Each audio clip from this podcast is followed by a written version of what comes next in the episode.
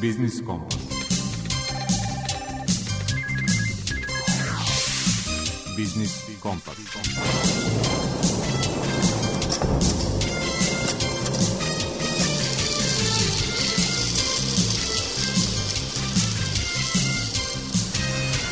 Pred mikrofonom je Đuro Vukelić.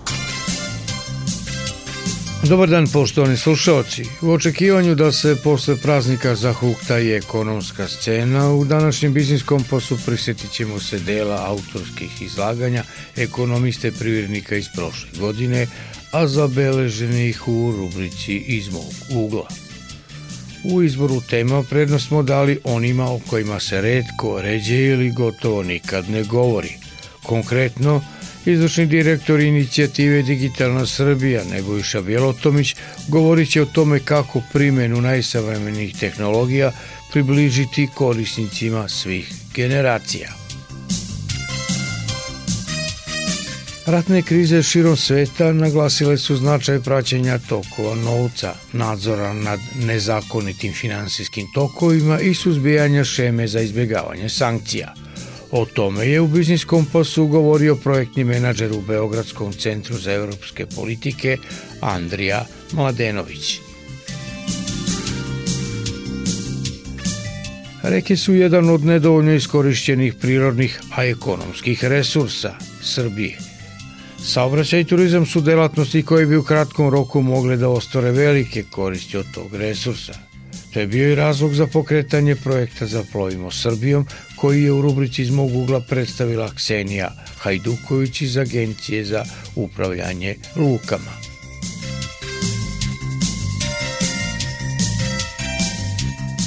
Saobraćajna tema, ali sa jakim socijalno-demografskim akcentom, jeste inicijativa da se novim zakonskim rešenjima reši problem autobuskog prevoza meštana manje naseljenih mesta – O toj inicijativi govorio je direktor poslovnog udruženja Panon Transport Mirko Vučinić. I pre najavljenih tema prepustimo se prvim muzičkim taktovima za danas.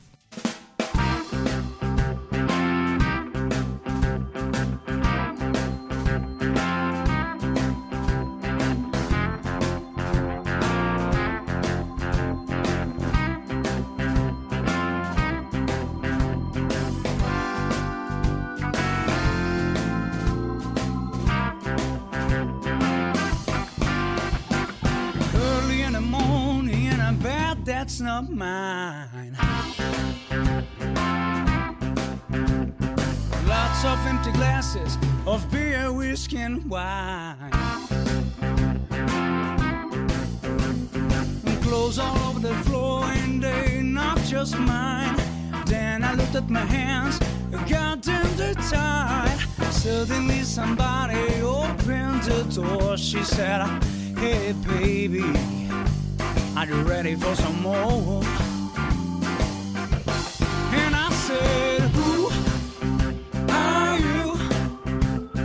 Where am I? Did we do it so close?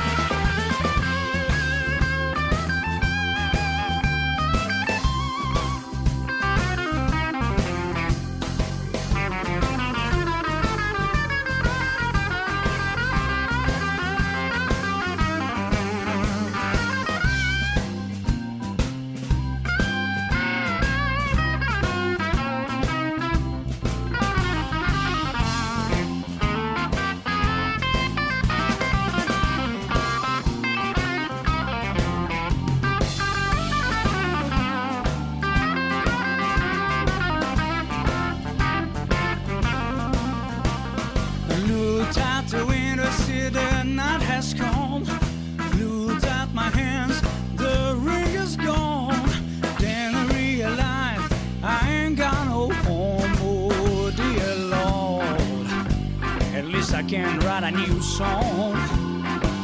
And it's just like this. I have screwed up my life in one night in a day.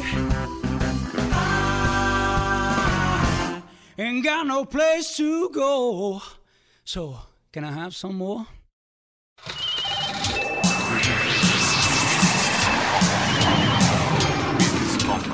Biznis Kompas. Srpska IT industrija napreduje krupnim koracima. Nezvanično, izvoz tog sektora lana je premašio 3,5 milijarde evra. Držimo tehnološki korak sa svetom, ali kako istovremeno nove tehnologije da približimo korisnicima svih generacija. O tome je u rubrici iz mog ugla govorio izvršni direktor inicijative Digitalna Srbija Nebojša Bjelotomić. Stane, a ne prestane da se kreće, on je već izgubio trku. I to su verovatno čak i dinosaurci shvatili, ali verovatno kasno. Tako da ako pričamo o, o današnjim stvarima, o srpskom IT-u, ima mnogo stvari da za pohvalu, ali istovremeno a, nije to razlog da se u nešto uspori ili stane. Već možda čak i jačom brzinom treba krenuti napred, jer opet a, treba biti svestan da je veliko takmičenje između tržišta, između kontinenta, između zemalja, a mnogi drugi imaju mnogo više sredstava za ulaganje u tu trku. Da, naš adut u toj trci svakako jesu sistem obrazovanja koji je dosta zasnovan na algoritamskom razmišljanju, a, matematici i naukama koje deca izučavaju i u osnovnoj srednjoj školi, te mladi pametni ljudi koji su se pokazali kao dobar materijal za, za programere, za arhitekte programskih i softverskih rešenja, ali vidimo sada da tehnologija ide dalje, da idu njene neke e, specifične primjene. Veštačka inteligencija je reč od koje je teško pobeći, investitori koji se bave investicijama u, u kompanije tehnološke su 25% svog novca uložile upravo u, u taj segment. Tako da je to nešto od čega ne samo da ne treba bežati, već je i bitno pratiti. Takođe drugi segment koji vidimo da se e, sve više razvija, a to je biomedicina, biotehnologija, bioinformatika. To donekle i ima smisla, jer ako razmišljamo populacija koja je i dalje najmnogobrojnija na svetu je ona koja je rođena u periodu 1948. i recimo 62. Da, ta populacija ne samo da je najbrojnija, nego je malte ne stvorila ovaj svet u kome živimo i ona još uvek je vlasnik najvećeg dela kapitala. Prirodno je da a, taj kapital bude uložen u nešto što će doneti ne samo neka bolja medicinska rješenja, nego i kvalitetniju starost. Na stoga bioinformatika, biomedicina koje se bave personalizacijom zdravstvenih rešenja na osnovu podataka koje se daju skupiti o stilu života, parametrima nečeg zdravlja, jeste nešto takođe što je bitan i važan smer da se i dalje razvijamo svemu tome. A pored napomena da je bitno nestati ne, i, nego se i razvijati, a, bitno je pomenuti i još jednu stvar kada je tehnologija u pitanju. Tehnologija ne sme biti osnov za pravljenje dublih socijalnih i ekonomskih razlika. Ona trenutno možda to čak i jeste, zato što oni koji se dohvate, da kažemo, nekog tehnološkog posla i, i dobro se snalaže u njemu, već imaju negde osiguranu i dobru egzistenciju, dok ovi koji možda se nisu toliko bavili tehnologijom, vidimo da njihova zaposlenja jako često budu, kako to kažu, disruptovana, odnosno nekako se napravi neki poremeće zato što nove tehnologije dolaze, oni nisu spremni za njih. Stoga, jako je bitno da se tehnologije ne plašimo i da idemo u susret, ne samo da bi je razvijali, nego i da je koristimo. Jer a, svaka tehnologija koja dođe nije ništa novo, nego unapređenje nečeg na čega smo već navikli. Stoga budite hrabri, koristite tehnologiju. Pominje sada chat GPT, raznorazne druge stvari, računare koje govore s vama. To su i dalje samo mašine koje imaju puno informacija. One već decenijama imaju više informacija od običnog čoveka, ali dalje možemo reći da je čovek pametniji. Stoga, tehnologija treba ići u tehnologijom treba se baviti u smislu biti njen korisnik i uh, pristupati joj bez zadrške i na taj način držati, uh, da kažemo, i trend i, i držati neki pravac tehnologija nameće kako bismo ostali uključeni u ono što i ekonomija, industrija i društvo donose, jer zaista e, je velika prilika ovo sad što se dešava sa tehnologijom, ali samo ako se njome bavimo i ako je ona nešto što je naš prijatelj i saveznik s kojim se mi osjećamo komotno. Kako da je pravimo, tako da je koristimo. Tako da su nam obe stvari bitne u, u populaciji i to da budemo neko ko razmišlja kako napraviti novu tehnologiju, ali i biti spreman da tu novu tehnologiju koristimo možda među prvima kako bismo dobili neku prednost odnosno na one koje smo već pomenjali, a koje su takmaci, a to su druge zemlje, drugi regioni, drugi kontinenti.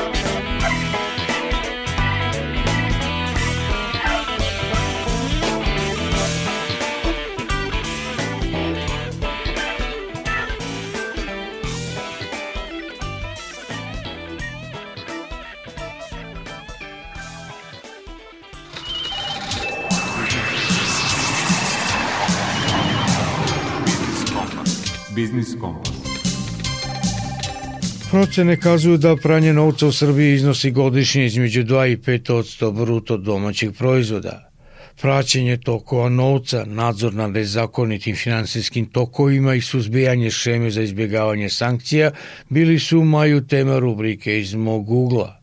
O tome je govorio projektni menadžer u Beogradskom centru za evropske politike Andrija Mladenović. Rat u Ukrajini koji je trenutno u toku pojačao je postojeće geopolitičke tenzije razotkrivajući stalne nedostatke u oblasti vladavine prava u jugoistočnoj Evropi. Ti nezakoniti finansijski tokovi su često povezani sa pranjem novca, korupcijom i finansiranjem terorizma i oni suštinski potkopavaju same temelje našeg društva. Dakle, one odražavaju nejednakost, ometaju i razvoj i svaki napredak. Nezakonite financijske tokove, to je konkretno ovaj, pranje novca, možemo definisati kao vrstu imovinskog kriminala kojim se zapravo prikriva postojanje i poreklo nelegalno stečenih sredstava i to njihovim uključivanjem u legalne financijske tokove. To se čini putem transformacija, prebacivanja, razmenjivanja i prikrivanja namene i mešanjem sa legalnim sredstvima ili na neki drugi način na koji se prikriva prava kriminalna delatnost i ostvaruje krajnji cilj pranja novca, a to je zapravo nesmetano korišćenje prihoda od kriminalne delatnosti i ujedno i izbegavanje kazne za izvršena krivična dela. Kriminalci dakle koji posjeduju protivpravno ovaj, stečena sredstva suočavaju se znači sa pitanjem kako da ta sredstva nesmetano koriste, a da pritom ne ostaje bilo kakav trag koji bi mogao da ukaže na njihovu kriminalnu delatnost. Procene pokazuju da neformalni sektor ekonomije u Srbiji čini ove, oko 27% bruto domaćeg proizvoda, a recimo sektor nekretnina predstavlja jedan možda i najveći rizik e, za pranje novca u zemlji. I ovo se obično ostvaruje kroz ulaganje u izgradnju stambeno-poslovnih objekata, kupovinu stanova, poslovnih prostora, i to sve gotovinom. Dakle, i onda se procenjuje da iznos pranja novca po nekim istraživanjima čini u Srbiji između 2 i 5 odsto ukupnog bruto društvenog proizvoda, što je u slučaju Srbije ogromna ovaj, količina novca, broji se u milijardama evra. U poslednjim godinama takođe primećuje se i pojava novih metoda pranja novca, a važno je napomenuti da kriminalne grupe sa Zapadnog Balkana ne ograničavaju svoje operacije samo na taj region, već rade i preko granice. Za pranjem nekih manjih suma novca oni se često koriste neka preduzeća koja obavljaju poslove koje zahtevaju gotovinu. Da li su to firme koji prodaju iznajemlje automobile, benzinske stanice, hoteli i sl. Da bi sve to sprečili, da bi društvo moglo da se izbori sa tim, dakle vlade i regulatorna tela u regionu moraju jačati svoje zakonske okvire, tako da obezbeđujući ih da idu u korak sa prirodom finansijskog kriminala koji se prosto stalno razvija. U tom kontekstu i tehnološki napredak igra takođe ključnu ulogu u, u našoj potrazi za ovaj nezakonitim finansijskim tokovima i u, u tom kontekstu dakle prihvatanje inovativnih rešenja kao što su veštačka inteligencija, mašinsko učenje, blockchain tehnologija, dakle sve to može u velikoj meri poboljšati našu sposobnost da otkrijemo sumnjive transakcije i identifikujemo obrazce i pratimo kretanja sredstava preko granice. Takođe, angažovanje sa privatnim sektorom je ključno. Dakle, financijske institucije moraju ostati budne, da moraju konstantno sprovoditi i stroge mere za identifikaciju i, i, i prijamljivanje sumnjivih aktivnosti. I na kraju su tu naravno i istrage koje vode tužilaštvo i, i policija i u, u tom kontekstu i oduzimanje imovine. Međutim, ono što je ključno, ključna reč, dakle, je zapravo saradnja. Saradnja između vlada, regulatornih tela, privatnog sektora i, i, i najpre i civilnog društva. Sve to može da podstakne, dakle, jedino može da podstakne snažnu odbranu od nezakonitih finansijskih tokova i, i raznih šema utaje, što na kraju krajeva i otežava počiniocima da iskoriste manjkavosti sistema. U cilju upravo povećanja kapaciteta civilnog društva i vladinih partnera za praćenje, diagnostikovanje i rešavanje korupcije, a u sklopu projektne inicijative implementacija zajedničkih rešenja iz oblasti antikorupcije i dobre vladavine u jugoistočnoj Evropi, koju finansiraju Island, Lichtenstein Norveška kroz Fond za regionalni razvoj, EEP i Norveške, Centar za evropske politike iz Beograda i Centar za studije demokratije iz Sofije održavaju regionalnu obuku i letnju školu pod radnim nazivom Pratimo tokove novca, nadzor nad nezakonitim finansijskim tokovima i suzbijanje šema za izbegavanje sankcija.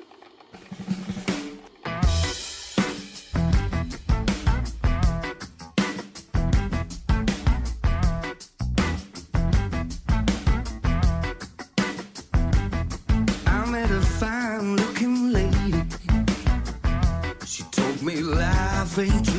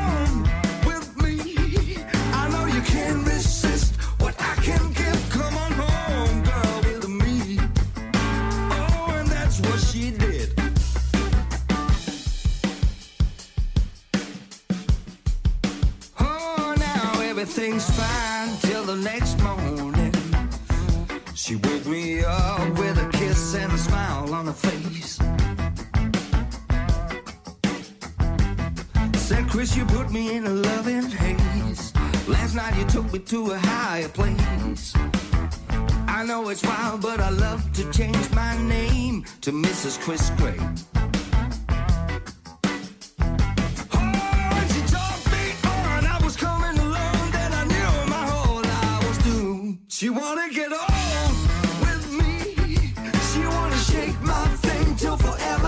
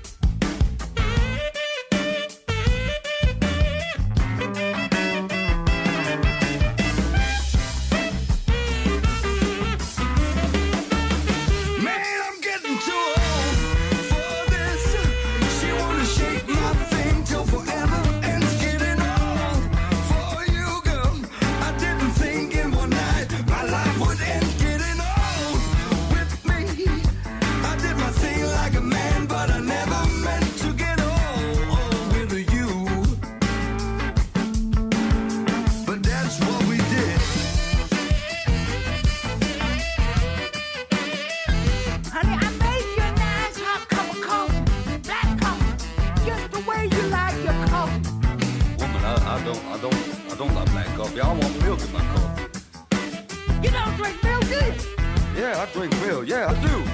No, the hell with milk. It's not health. And you eat too much meat. Well, well, well, I don't eat much. You eat too much meat. Well, all right then. All right.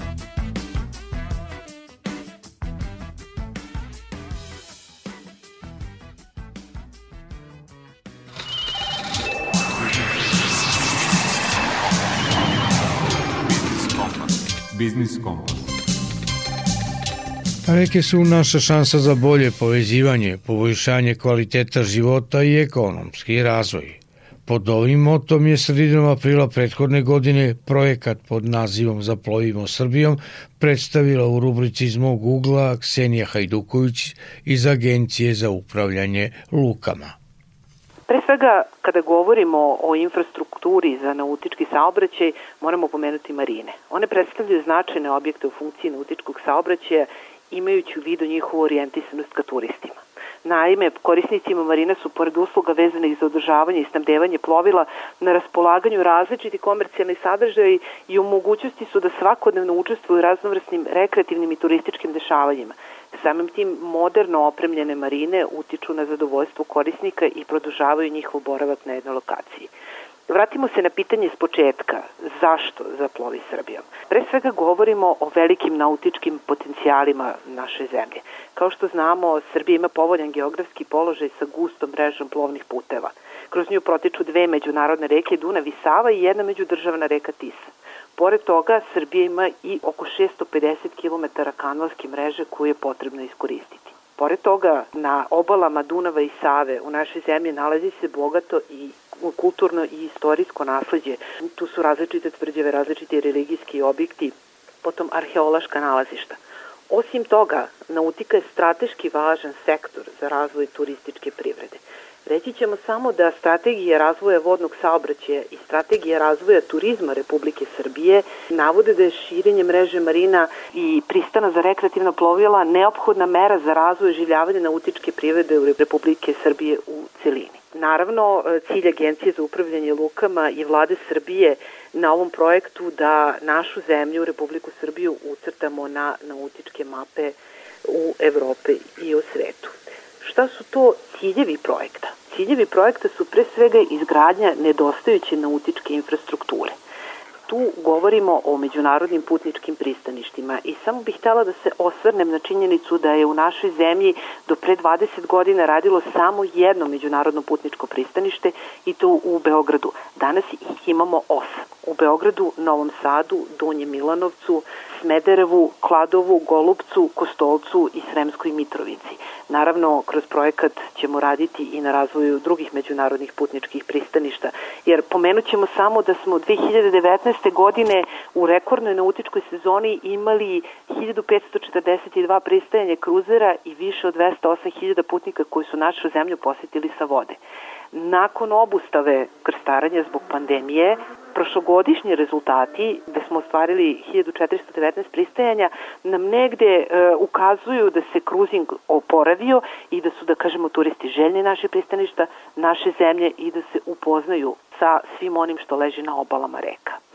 Osim toga, jedan od cilj projekata, kada govorimo o izgradnji nedostajuće nautičke infrastrukture, je i izgradnja marina. Gradit će se marine na Dunavu i to u Kladovu, Velikom gradištu, Smederevu, Somboru i Golubcu. Osim toga, projekat će se baviti i izgradnjom pontona za međunarodni domaći prekogranični linijski saobraćaj. Zašto međunarodni i, i prekogranični linijski saobraćaj? Linijski saobraćaj povezuje gradove i ljude i omogućit će domaćim i stranim turistima da upoznaju Srbiju sa vode.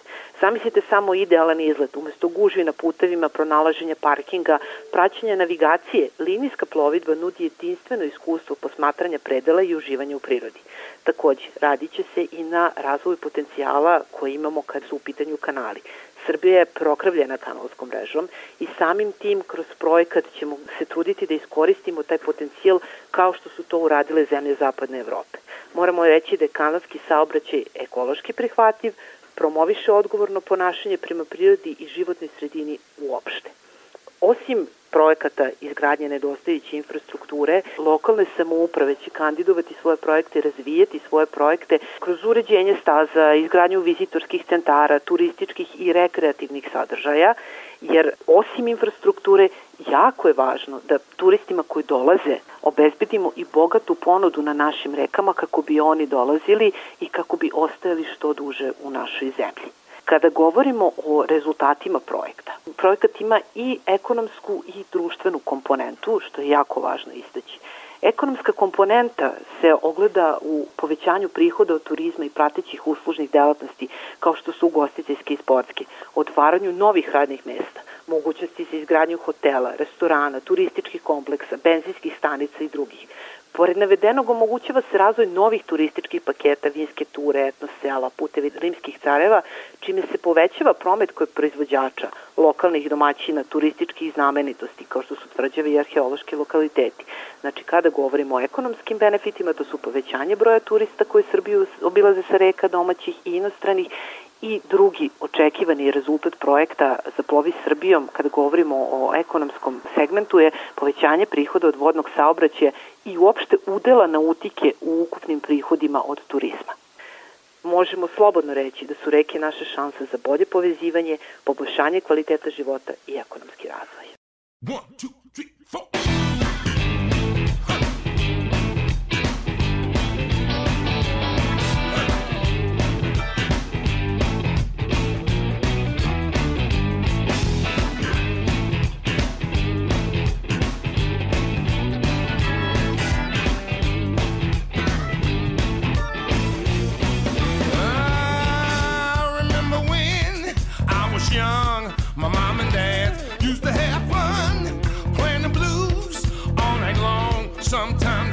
Sing along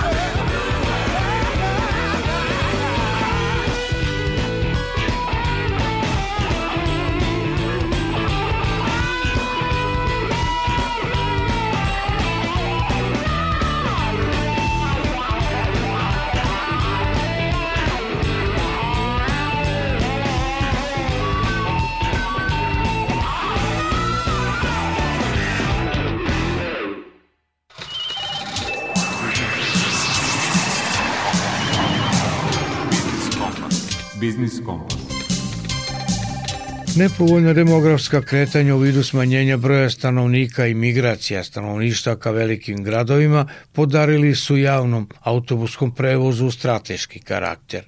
O rešenjima kojima bi država izašla u susret i građanima iz manjih mesta i javnim prevoznicima putnika u drumskom saobraćaju u rubrici iz mog ugla govorio je u martu direktor poslovnog udruženja Panon Transport Mirko Vučinić. Jedan od velikih problema koji ima Republika Srbija se odnosi na migracije stanovništva, odnosno na smanjenje broja stanovnika. To je zaista drastično. Neke prognoze koje su se nažalost obistinile ovim popisom je da je negde oko pola miliona stanovnika manje u Srbiji u odnosu na 2011. godinu. Ono što je takođe još nažalost činjenica, to je da se prirodni priraštaj iz godine u godinu smanjuje. Sve ovo trebamo imati na umu kada razgovaramo o javnom prevozu putnika kao izuzetno važnom servisu e, ne samo putnika, fizičkih lica kao pojedinaca, nego i celokupne države, celokupnog sistema, jer taj javni servis faktički se obavlja u funkciji i građana i privrede, odnosno rada, trgovine, turizma, drugih usluga, kao i obrazovanja, zdravstva, državnih institucija, sudstva, policije, vojske i tako dalje. I to je važno napomenuti jer javni prevoz putnika u drumskom saobraćaju, naročito na distancama do 50 ili nešto više kilometara, nema pre svega komercijalnu funkciju, nego upravo tu javnu funkciju, odnosno da bude servis onima kojima je to potrebno. Takođe, važna funkcija javnog prevoza putnika u drumskom saobraćaju je da spreči intenzitet migracija, odnosno da napravi održivi broj stanovnika ravnomerno raspoređen u svim delovima Srbije. Te lokalne migracije pre svega se odnose na migraciju selo-grad, odnosno na migraciju manje razvijeni okruzi ka veće razvijenim okruzima, a naravno onda i na migracije koje se tiču iseljavanja stanovništva iz Srbije. Zato je važna i funkcija autobuskog prevoza, naročito javnog linijskog prevoza putnika u drumskom saobraćaju.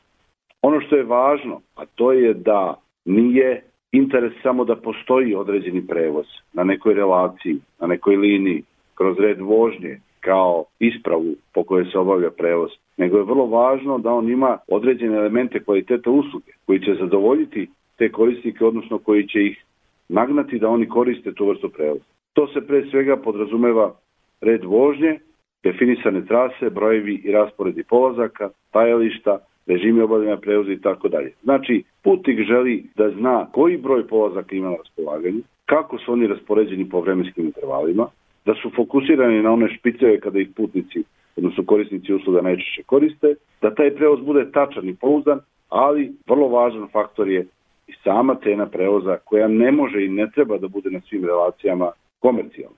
Takođe, ne manje važno u današnjem vremenu su i informacije, odnosno njihov protok, tačnost i dostupnost u vezi kada, gde i kako mogu da dođem do određene vrste prevoza, da iskoristim i pod kojim uslovima.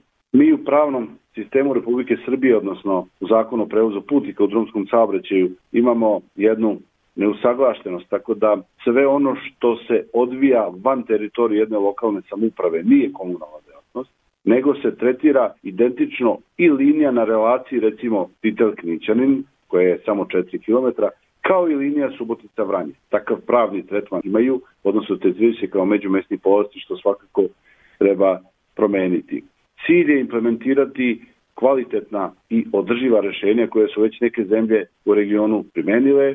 Ja ću navesti primer Hrvatske i Slovenije, pre svega Hrvatske koja je nama susedna država i koja takođe ima isti problem migracija, možda čak i veći zato što su oni članove Europske unije. Elem, oni su uspostavili taj sistem javnog linijskog prevoza putnika ne samo kao komunalnu delatnost na nivou lokalne samuprave, nego i kao regionalni prevoz, odnosno na nivou županije i naravno država određuje redove vožnje, polaske onako kako to odgovara stanovnicima, odnosno korisnicima usluga, naravno u skladu sa tim važnim faktorom rentabiliteta i održivosti i da imamo win-win-win kombinaciju, odnosno da je to dobitna kombinacija da benefite osete i država i putnik, a svakako i prevozi. Naravno, na jednu stepenicu više su se popeli, da tako kažem, kolokvijalno Slovenci, koji su cijelu svoju državu obuhvatili tretiraju je kao, tretiraju prevoz u Sloveniji kao komunalnu delatnost, odnosno kao jednu vrstu javne usluge javnog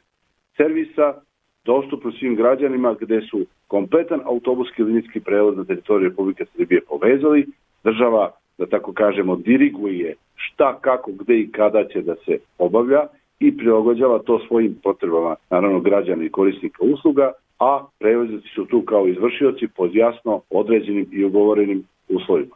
Ono što treba napomenuti je da je Evropska unija svojim propisom, odnosno direktivom 1370 iz 2007. godine već regulisala ovu oblast i pravno propisala, odnosno uredila kako bi to trebalo da se obavlja, što je država, što je Republika Slovenija primenila na svojoj teritoriji. Naravno, nas tek čeka taj zadatak ako želimo održivost i broja stanovnika, ali i njihov uslovno rečeno ravnomeran raspored po okruzima i po lokalnim samupravama.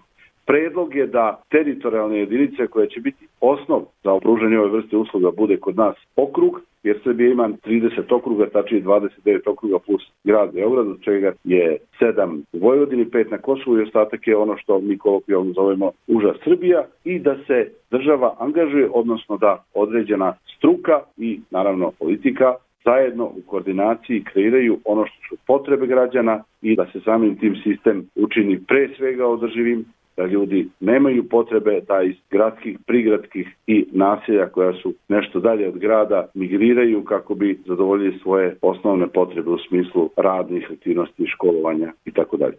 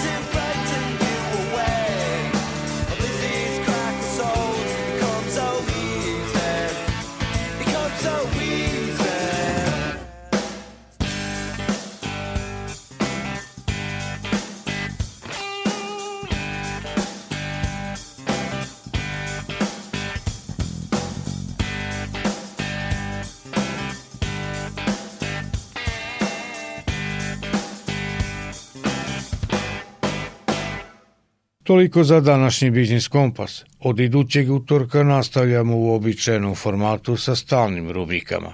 Do tada srdačan pozdrav od tima koji su danas sačinjavali muzički urednik Zoran Gajinov, ton majstor Marica Jung i urednik emisije Đuro Vukilić. Zdravi bili i čuvajte se. Like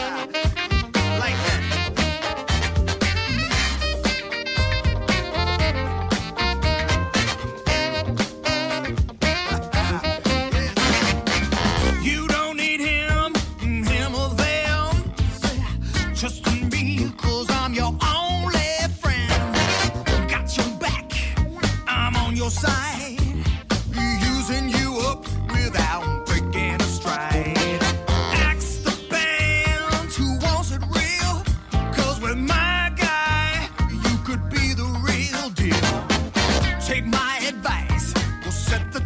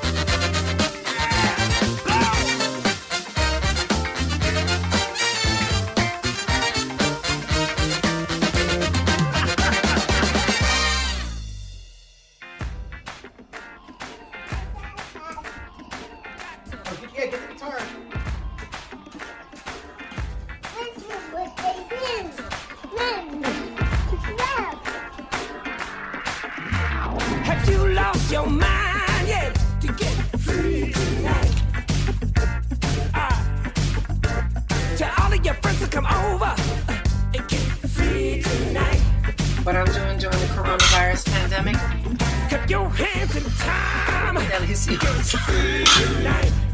yeah.